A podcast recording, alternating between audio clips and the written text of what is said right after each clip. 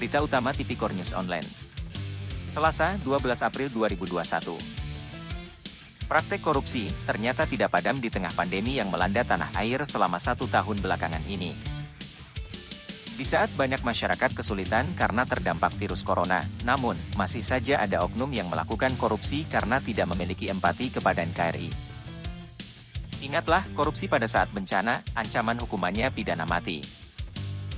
Berdasarkan informasi narasumber Tipikor News Online mengatakan, Oknum Kepala SMA Negeri 1 Seputih Agung diduga korupsi saat pandemi COVID-19. Pasalnya, pengelolaan dana bantuan operasional sekolah tahun 2020 milik SMA Negeri 1 Seputih Agung hingga saat ini belum efektif dan efisien. Berdasarkan laporan pertanggungjawaban penggunaan dana BOS SMA Negeri 1 Seputih Agung sebesar 1 miliar 452 juta 150 ribu rupiah, dengan rincian, di tahap 1 sebesar 433 juta 350 ribu rupiah. Kemudian di tahap kedua sebesar 577 juta 800 ribu rupiah dan tahap ketiga sebesar 441 juta rupiah diduga justru banyak digunakan oknum kepala sekolah untuk kepentingan pribadi. Mau tahu berita selengkapnya, dan bagaimana tanggapan Stepanus Wasito selaku penanggung jawab anggaran? Tunggu edisi mendatang.